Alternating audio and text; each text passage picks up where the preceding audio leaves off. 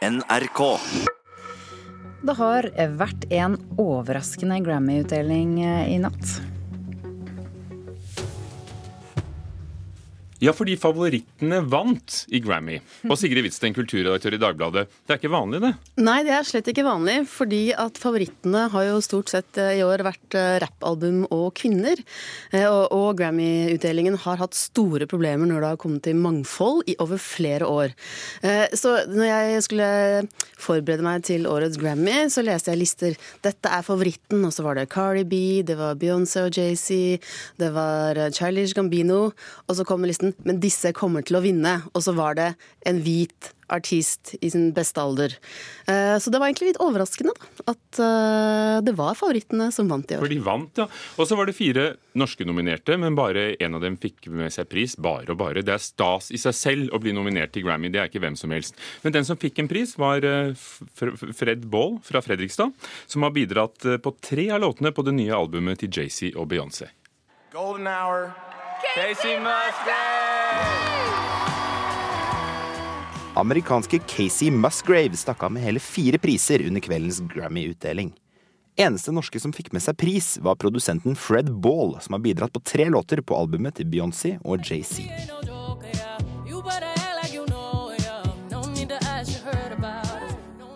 I tillegg til Ball var tre andre nordmenn nominert. Blant annet produsenten Morten Lindberg var nominert for 26. gang, men nok en gang måtte han gå hjem fra seremonien uten pris. Dermed beholder han tittelen for flest Grammy-nominasjoner uten seier. I tillegg var pianist Leif Ove Ansnes og Kygo nominert i ulike kategorier. Men selv om det ikke ble noen stor norsk natt, ble det andre som vant priser. And the Grammy goes to Shallow, Lady Gaga and Bradley Cooper.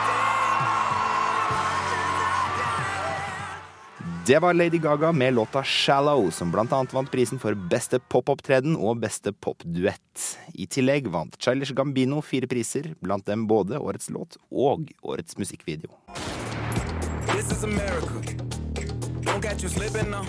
Det var ikke bare priser som ble delt ut på Grammy-utdelingen i natt. Musikkbransjen hedret også noen av sine største stjerner, bl.a. 75-åringen Diana Ross. Please welcome my grandmommy, Diana Ross.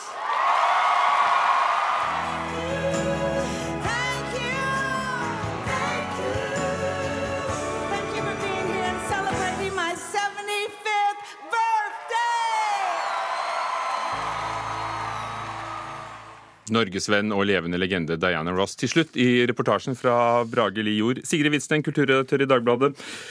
Hvem var det som ikke var der? Hvem var det som vant og ikke var der? Ja. Nei, det var jo flere, da. Eh, fordi eh, Grammys eh, har hatt så store problemer med mangfold eh, tidligere, så eh, var det flere som visstnok ikke dukket opp eh, som en protest. Blant annet Danny Glover, som da også går under navnet Childish Gambino, som stakk av med to priser. Jay-Z og Beyoncé var heller ikke der. Og Ariana Grande var ikke der fordi de hadde fornærmet henne tidligere denne uken.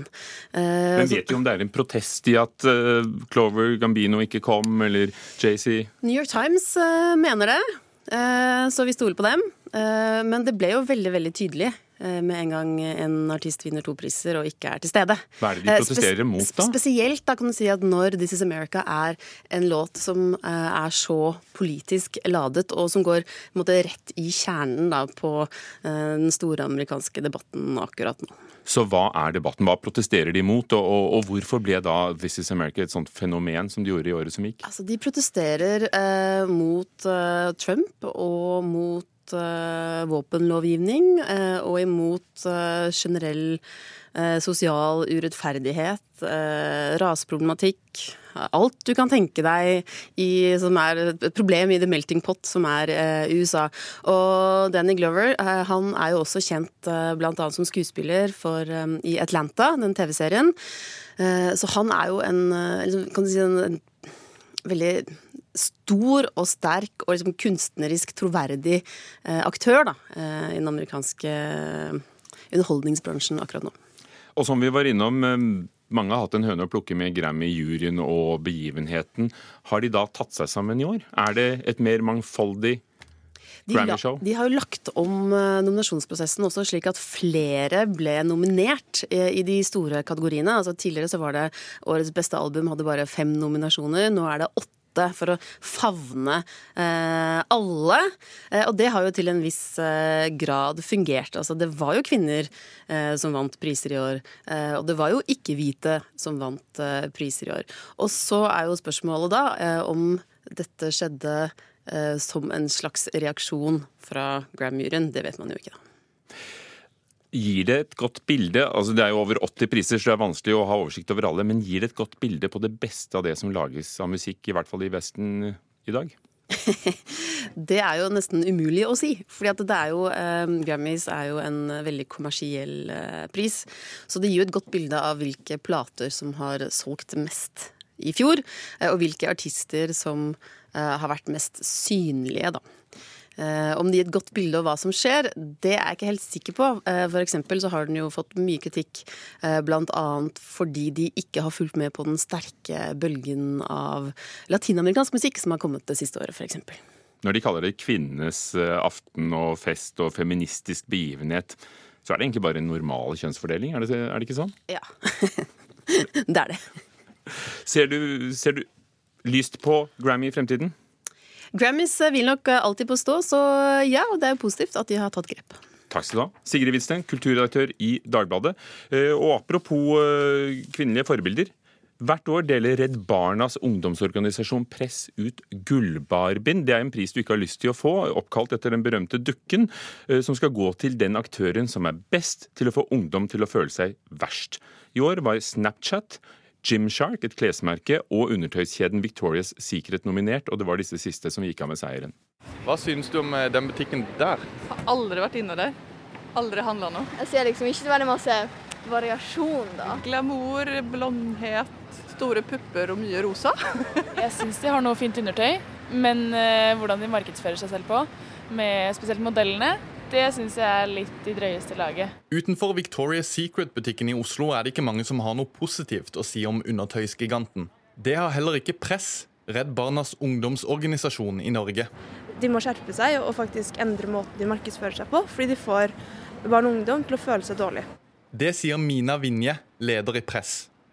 Denne helga har hun sittet og fulgt med på hvem som kommer til å vinne årets Gullbarbie, en verstingpris for kroppspress. Det har ikke vært spennende. Victoria's Secret leder ganske over, har leda ganske overlegent hele veien. Etter at 60 000 norske ungdommer stemte, var vinneren soleklar. Victoria's Secret er årets versting på kroppspress.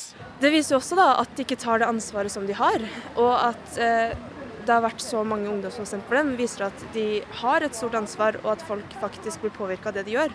Eh, og jeg tror folk er veldig lei og ønsker en endring. I år deles Gullbarbien ut for niende gang, og Victoria's Secret er den første aktøren som mottar prisen for andre gang. De vant nemlig også i 2012. Men lite har forandra seg siden den gang, mener Vinje. Folk gir jo innspill på at modellene er helt like, og at kroppene er helt like, og at det er veldig ekskluderende. eh, Og at det ikke viser frem det mangfoldet som man har i samfunnet. Her får hun støtte av kunst- og motehistoriker Ragnhild Brochmann, kjent som Estetikeren i Morgenbladet. Hun sier det er mange år siden Victoria's Secret var moteriktig. Nei, Stilen er jo den stilen som veldig mange var veldig glad i menn rundt eh, 2000. Og det handler jo om at de fortsatt opererer med pushup-air, det er veldig mye blonder, det er mye straff. Nei, altså Victoria's Secret er jo eh, altså, et perfekt eh, hatobjekt eh, for sin uh, samtid. Men vent litt. Å være ute av stil er én ting.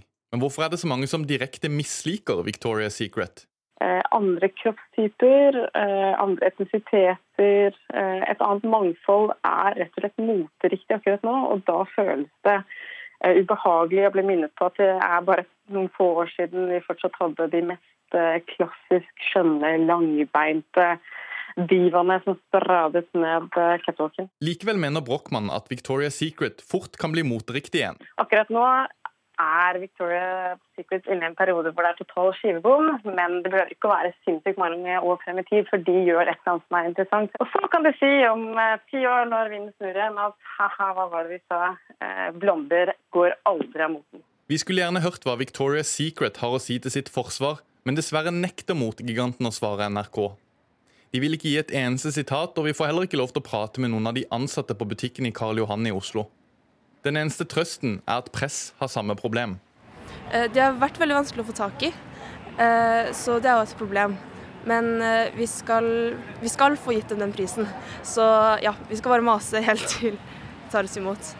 Sier Mina Vinje, leder i Press, reporter Daniel Eriksen.